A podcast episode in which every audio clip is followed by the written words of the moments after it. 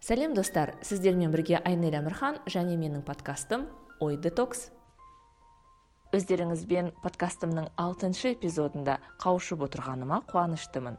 Кезекті қонағыммен таныстырмастан бұрын ә, бесінші эпизодта қонақта болған асхат еркінбайдың байқауы туралы естеріңізге салғым келіп отыр. Әлі де болса тыңдап өз жауаптарыңызды жібере аласыздар.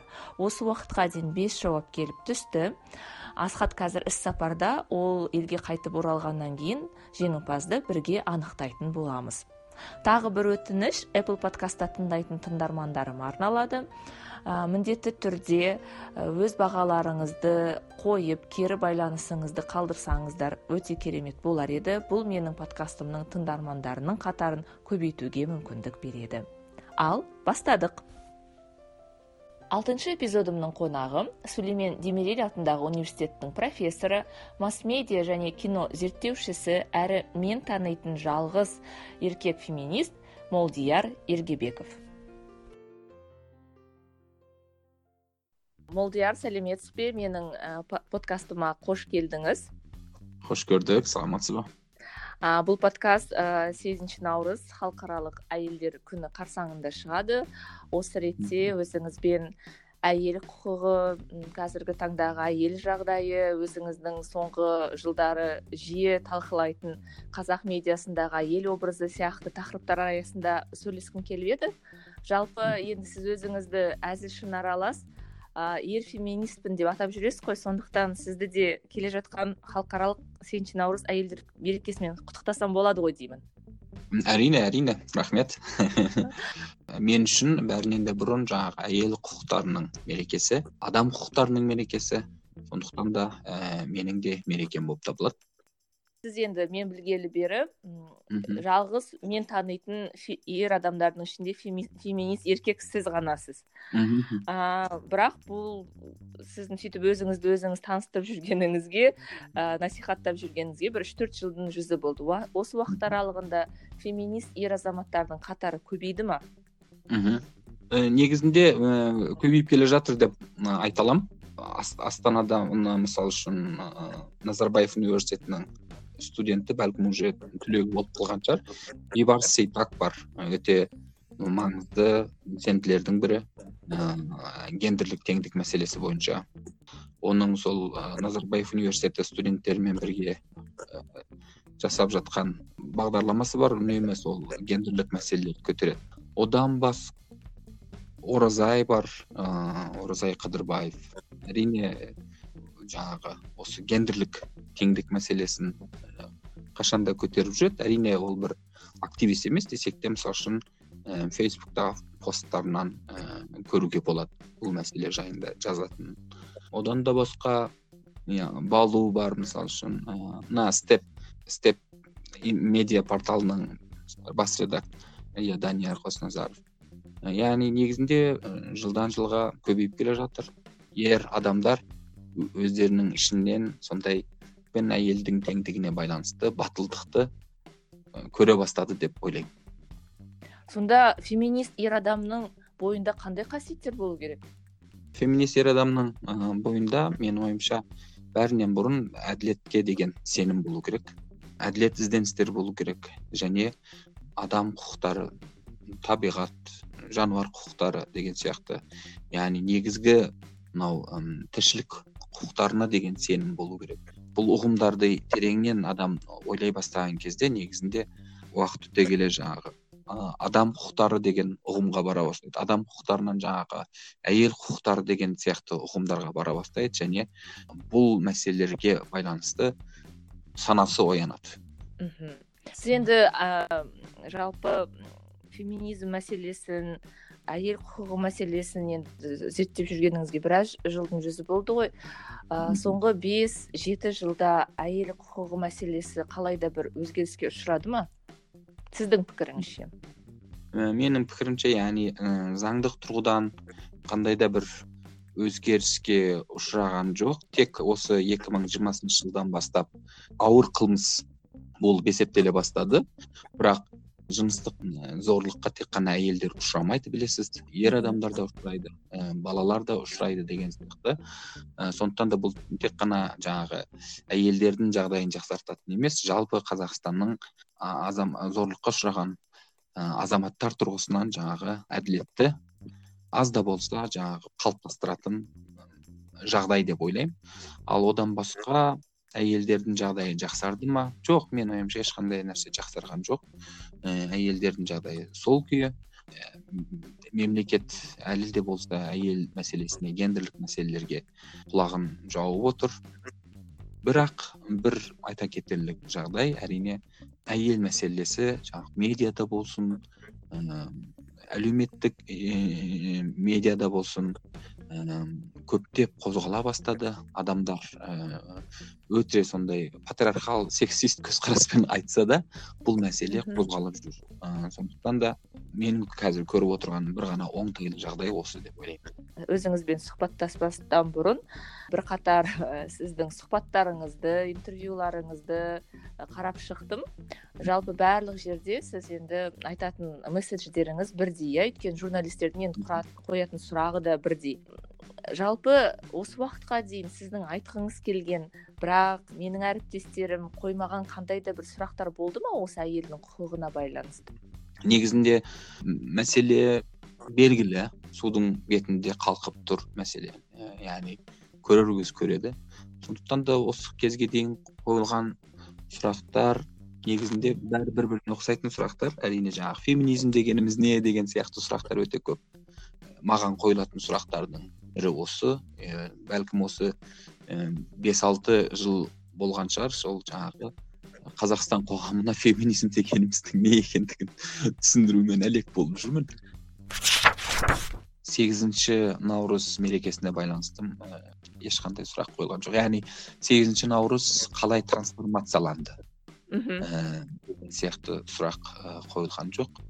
Бұл да өте қызықты тақырып негізінде. Жаңағы сегізінші наурыз бұл ыыы алғаш жаңағы советтердің ііі нақтырақ айтар болсақ жаңағы большевиктердің ііі билікке келуімен бірге орта азия халықтарына мемлекеттеріне келген мереке еді и алғаш келген кезде. Тіпті қателеспесем алма оразбаева германияда болған үшінші интернационалға ма барды ғой деймін егер қателеспесем. Клара цеткиналардың қатысқан жаңағы әйелдердің сегізінші наурыз құттықта құттықтауларына жаңағы мереке ретінде құттықтауларына барды ғой деймін. Болса керек. Жиырмасыншы жылдардың соңында. Табан яғни алғаш келген кезде бұл жаңағы феминизм бұл жаңағы социалист көзқарас арқылы келді. Одан кейін бағана айтып өткенімдей советтер кезеңінде әсіресе алпысыншы жылдар әйел эмансипациясы әйелдің еркіндікке ұласуы мәселесі көтерілген көтерілген жоқ. Тіпті әйел қайтадан неге айналды? Үй үйдің мебеліне айналды. Ә, мысалы үшін анау кімдер бейімбеттер ә, жүсіпбек аймауытовтар әйелдің еркіндікке ұласуы менен ұлттың еркіндікке ұласуы арасында бір параллельдік көрген болса сондықтан да жаңағы ақбілекті күлпашты жазған болса елуінші алпысыншы жетпісінші жылдарға келген кезімізде бұл ыыы жаңағы қазақ әйелі керісінше жаңағы үйдің бір бұйымына қайтадан айналады. Яғни консервативтік бір көзқарас патриархал бір көзқарасқа көзқарастың объектісіне айналады қайтадан. Ал тоқсаныншы жылдарға келген кезде жаңа жаңа ұлт мемлекет құрыла бастады қазақстанда. Сондықтан да әйелдердің де жаңағы бейнесі образы бұл әрі діни консерватизм әрі жаңағы дәстүрлі консерватизм яғни ұлттық дәстүр консерватизмінің салдарынан екінші планға итерілді. Көзге көзден таса болды десек те болады. Әрі ресми тарихнамада әрі бейресми тарихнамада жаңағы маңызды болып табылатын желтоқсан оқиғасында әйелдердің маңызы қаншалықты жоғары болса да бұл тәуелсіздік жылдарындағы дискурстарда әйелдер оншалықты көп айтылған жоқ көзге түскен жоқ. Көрінген жоқ. Десек те дәл осы жылдарда сонымен қатар жаңағы әйелдердің құқы үшін еркіндігі үшін күрес басталды. Бұл да өте сондай қызықты бір кезең сондықтан да тоқсаныншы жылдар.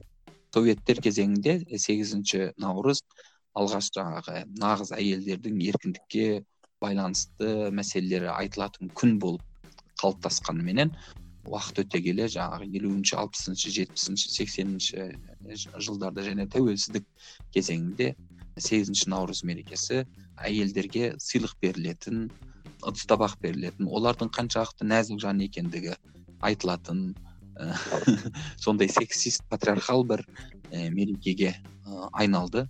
Сондықтан да әсіресе мына екі мыңыншы жылды жыл, жылдардағы феминист қозғалыстардың ең негізгі ерекшеліктерінің бірі бұл сегізінші наурыз мерекесін сексизмнен құтқару болуында жатыр. Жалпы неге бізде қоғамда бұл мереке трансформацияға ұшырады? Неге бізде оқыған әйелден көзі ашық әйелден өзіңмен тең әйелден қорқу үрдісі басталды? Бұның себебі неде деп ойлайсыз өзіңіз бұның себебі сол жаңағы алпысыншы жылдардағы біздің жазушылар ә, сол кездегі зиялы қауымның ә, басым көпшілігінің еркек болуы және олардың да жазған мысалы үшін әйел бейнелерінің өте сондай қалай деп айтсам болады патриархал құндылықтардың жаңағы тасушысы болуынан туындап отыр деп ойлаймын. Мысалы үшін анау кімнің мен өте сондай ә, ең қорқатын нәрсем бұл қартайған кезінде алцгеймер болып өлу. Яғни адамның атын жаттай алмаймын. Ұлпан мысалы үшін несі повестінде. Сонан соң анау шырағың сөнбесіндегі әйел кейіпкер. Екінші дүниежүзілік соғыстың алдында жаңағы бір қазақ отбасы ресей жаңағы советтер менен польшаның шекарасында әскери қызметке кетеді жаңағы еркек. Тахауи ахтановтың романы ма сонда? Иә иә иә тахауи ахтановтың романы. Сонда жаңағы соғыс басталып кетеді. Сонда ана әйел қазақстанға қайтады еркек жаңағы соғысқа араласып кетеді ғой. Сонда мысалы үшін әйелдің сол шекарадан осы қазақстанға дейін келуі жайындағы романда жол романы ғой негізінде әйелдің жолын не түсіндіретін романда. Әйел кім? Әйел сол жол бойынша екі үш еркектен бала туады ғой. Қателеспесем мен бұны бала кезінде оқығанмын. И осылайша яғни әйел неге айналады да ұрпақ не қылатын қалдыратын сондай бір репродуктивті машинаға айналады романдарымызда. Одан басқа мынау гүлнара бекееваның да кітабы бар өте керемет. Ол жерде де мысалы үшін жаңағы ана образының кинода болсын әдебиетте болсын өте көптеп қалыптасуы да осы алпысыншы жылдар. Патриархал көзқарастың қалыптасып жаңағы сіңуі осы алпысыншы жылдардағы зиялылардың консерватив көзқарастарынан. Көзқарастарының себебінен туындады деп ойлаймын. Яғни оның артында ешқандай бір идеологиялық саясат жатқан жоқ. Ол бір жеке тұлғалардың ә, патриархалды көзқарасының нәтижесі дегіңіз келе ма сонда молдияр? Ұлтшыл идеология бұл жерде бар әрине.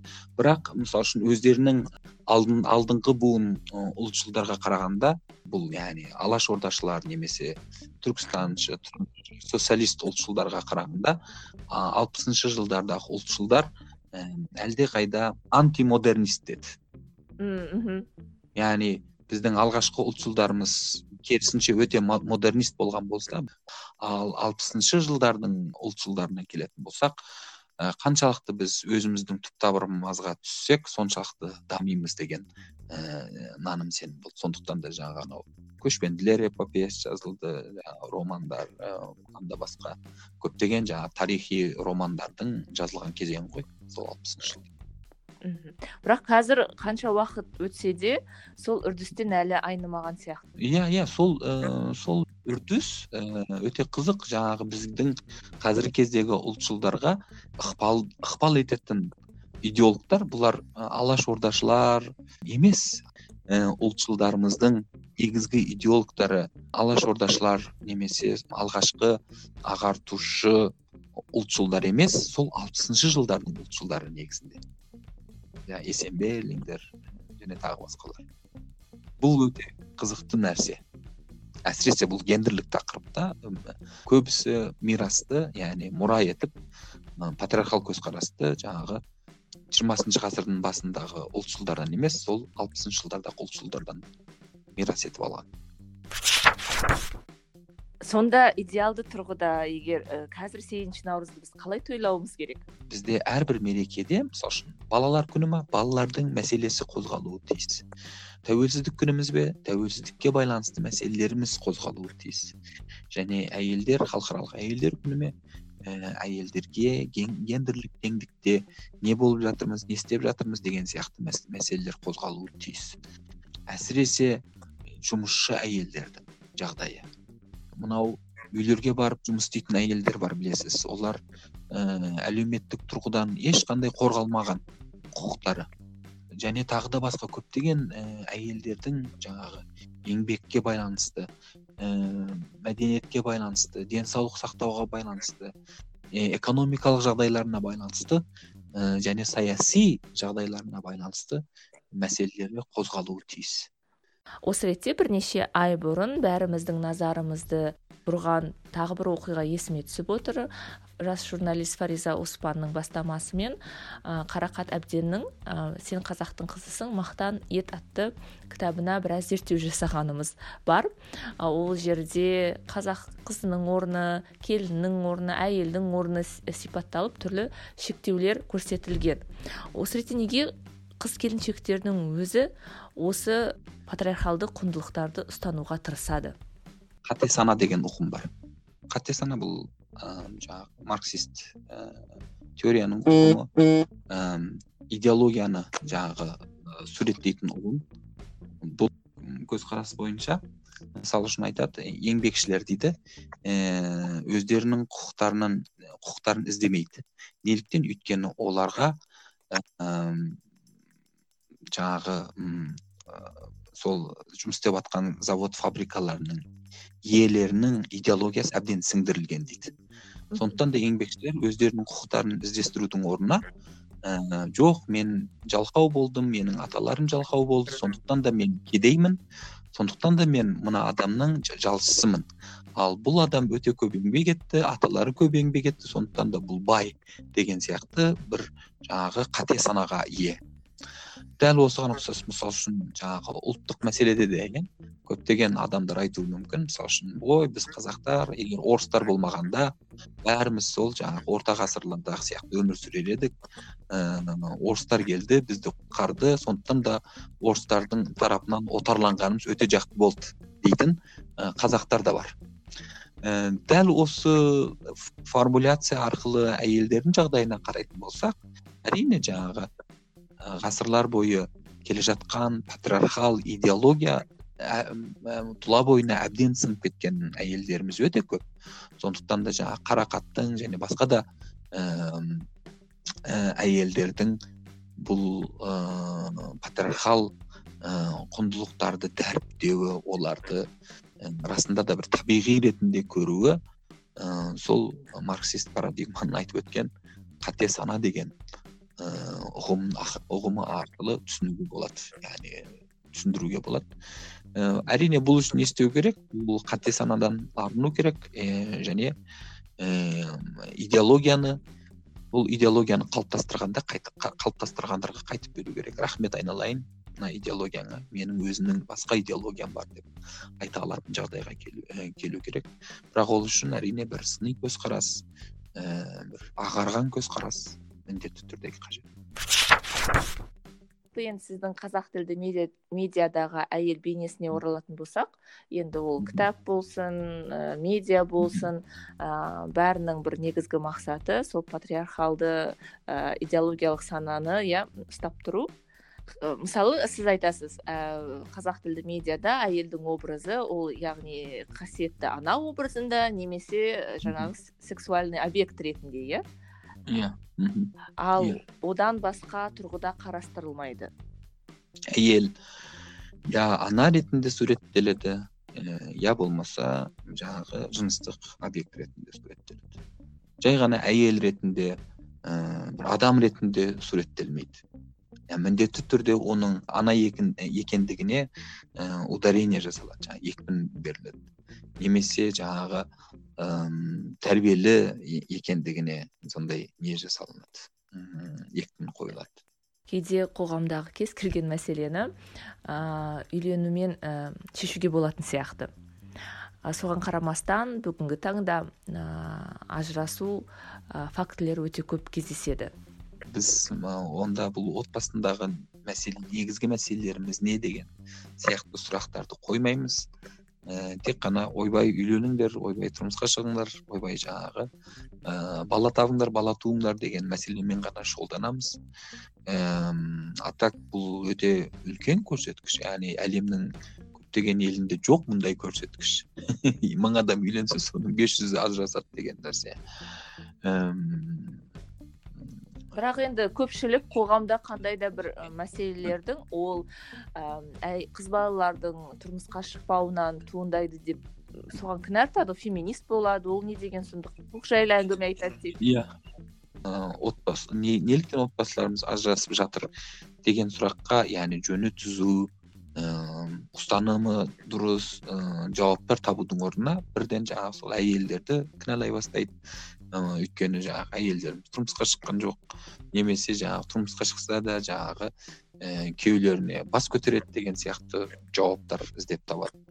Ыыы бұл жай қарапайым адамнан бастап сол жаңағы үлкен ғалым адамға дейін айтуы мүмкін. Осы былапытты ііі еш яғни тереңінен ойла, ойланбаймыз. Яғни бұл ыыы отбасы мәселелерімізді қоғамымыздағы отбасыға байланысты мәселелерімізді тереңінен ыыы ойластырып оған дұрыс ыыы жауаптар таппаймыз. Көбінесе осы қайтадан әйелдер кінәлі ыыы болып шыға келеді.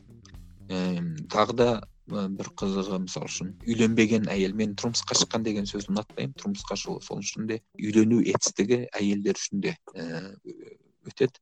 Ә, яғни үйленбеген әйелдерді жаңағы жағдайын қолдана отырып мысалы үшін мынау қарапайым адамымыздан ыыы парламенттегі депутатымызға дейін жаңағы көп әйел алу мәселесін мысалы үшін қозғау қозғауға тырысады. И осылайша ііі әйелдердің қалай деп айтсам болады адами тұлғалығын аяққа таптаудан еш арланбайды иә. Иә? Сондай да мәселеміз. Иә олар енді сол үйленбей қалған қыздарды құтқарушы адам образына енеді де ол қыздардың өзінің үйленгісі келе ма келмей ма ол жағын талқылау талқылауға бас қатырмайды. Жалпы бір сөзбен айтып. Әрине әрине әрине. Ә, біріншіден талқылауға бас қатырмайды. Екіншіден мысалы үшін ә, егер сондай бір заң шыға қалатын болса олардың ешқайсысы үйленбеген әйелдермен үйленбейді барады да жас қыздармен үйленеді. Менің ойымша яғни бұл жай ғана қалай деп айтсам болады ыыы бұл ыыы мәселе емес қой негізінде бірақ бұны мәселе етіп көтеріп сол мәселені ыыы арқылы жаңағы өздерінің ы арам пиғылдарын іске асыру ғой иә. негізінде. Келісемін сізбен молдияр? Мысалы сіз өзіңіз жақында ә, фимагораны ұйым ретінде тіркедіңіздер иә лейла екеуіңіз? Он тоғызыншы жылдың соңына таман фемагора қоғамдық құрым ә, лейла махмудованың ә, төрайымдығымен басшылығыменен құрдық. Ә, немен айналысамыз? Біз әйел мәселелеріне байланысты барлық тақырыптармен айналысамыз. Ә, бұл жаңағы мәдениет ә, экономика саясат ғылым ғылыми зерттеулер ә, ізденістер ә, мониторинг ә, және тағы да басқа барлық мәселелермен айналысуды біз алдымызға мақсат етіп қойып отырмыз. Қоғамдағы жаңағы сексизм мен патриархал құндылықтармен күресті негізгі міндетіміз деп білеміз. Сол қазір жайлап бастадық. Ә, өзіңіз де білесіз жаңағы фемагора деген біз жылда фестиваль өткізіп тұрамыз. Биыл да құдай қаласа осы сегізінші ә, наурыз халықаралық әйелдер күнінің кешінен бастау алады. Бұл фестиваль де яғни не жайында айтатын болсақ қорымызда да сол жайында айтатын боламыз. Ә, көбінесе ә, қоғамның гендерлік теңдікке байланысты біліктілігін санасын арттыру ә, осындай істермен айналысатын боламыз. Молдияр бір қызық жағдай мысалы фимагора болсын ыыы тедекс абай стейт уман болсын иә елдердің мәселесін ә, қорғайтын алаңдарда мен осы соңғы жылдары бәріне дерлік қатысып жүрмін. Ә, десек те бір байқағаным ондай шараларға көбінесе қыз келіншектер ғана келеді. Ер адамдардың қатары өте аз. Бұл ретте бұл әйел мәселесін тек әйел әйелдер ғана талқылау керек деген сияқты түсінік ә, бар сияқты. Неге ер адамдар келуге ә, қашқақтайды? Жаңа сіз өзіңіз атап өткен феминист ер адамдардың қатары да өте аз. Бұл жаңағы қоғамдық қысым деп ойлаймын. Жаңағы менің осы гендерлік теңдікке сенетін еркек достарым да мысалы үшін кейде ойларын ашық айтпайды бұл мәселеге байланысты яғни гендерлік мәселеге байланысты оның да себебі ретінде менің ойымша жаңағы неден қорқады ғой деймін. Қоғамның айналасындағылардың туған туысқандарының ііі мама папасының айтатын жаңағы сөздерінен жасқанады ғой деп ойлаймын. Негізінде феминизм бұл батылдық қой. Яғни өзінің рухынан сол әділетке деген әділетті қоғамға деген батылдықты тапқан адамдар ғана ашық түрде айта алады. Өкінішке орай жаңағы бұл мәселеде еркектерімізде әлі, әлі де болса жаңағы батылдық көрмейміз. Десек те екінші жағынан мына нәрсе де маңызды. Ә, әрине гендерлік теңдік тек қана әйелдердің емес еркектердің де мәселесі. Десек те әйел құқықтары әсіресе ең бірінші әйелдердің санасында оянуы тиіс өйткені бағанағы анау еңбекші тап пен билеуші тап арасындағы қарым қатынасқа бір аналог жасайтын болсақ билеуші тап ешқашан еңбекші тапқа о кешіріңдер сендерді жылдар бойы ғасырлар бойы қанап келдік деп айтпайды иә. ғой дәл сол сияқты бұл патриархал құндылыққа ие адамдар да әсіресе еркектер яғни өйткені көптеген еркек солай ойлайды яғни патриархал құндылықтар жақсы құндылық ә, деп ойлайды өйткені жаңағы өзін қорғайды деп сезінеді солай деп ойлайды молдияр уақыт тауып түнгі 12 болса да сұхбат беруге келіскеніңізге рахмет. Ә, тамаша көктем мерекесі қарсаңында менің тыңдармандарыма қандай тілек айтасыз? Сегізінші наурыз халықаралық әйелдер күнімен құттықтаймын. Әйел және еркек жалпы гендерлік мәселелер жойылған бақытты балаларымыз ә, дін аман жақсы бір қоғамда кездесейік жақсы бір қоғамды бірге қалайық деген тілекпен. Бәріңізге сау болыңыздар деп айтамын ол қоғамға қашан келеміз? Молдияр ол қоғамға қашан келеміз? Бәлкім еш келмеспіз. Бірақ бұл еш келмеушілік ешқашан біздерге бір бөгет болмауы тиіс деп ойлаймын. Тосқауыл болмауы тиіс күресе береміз күресе береміз күресе береміз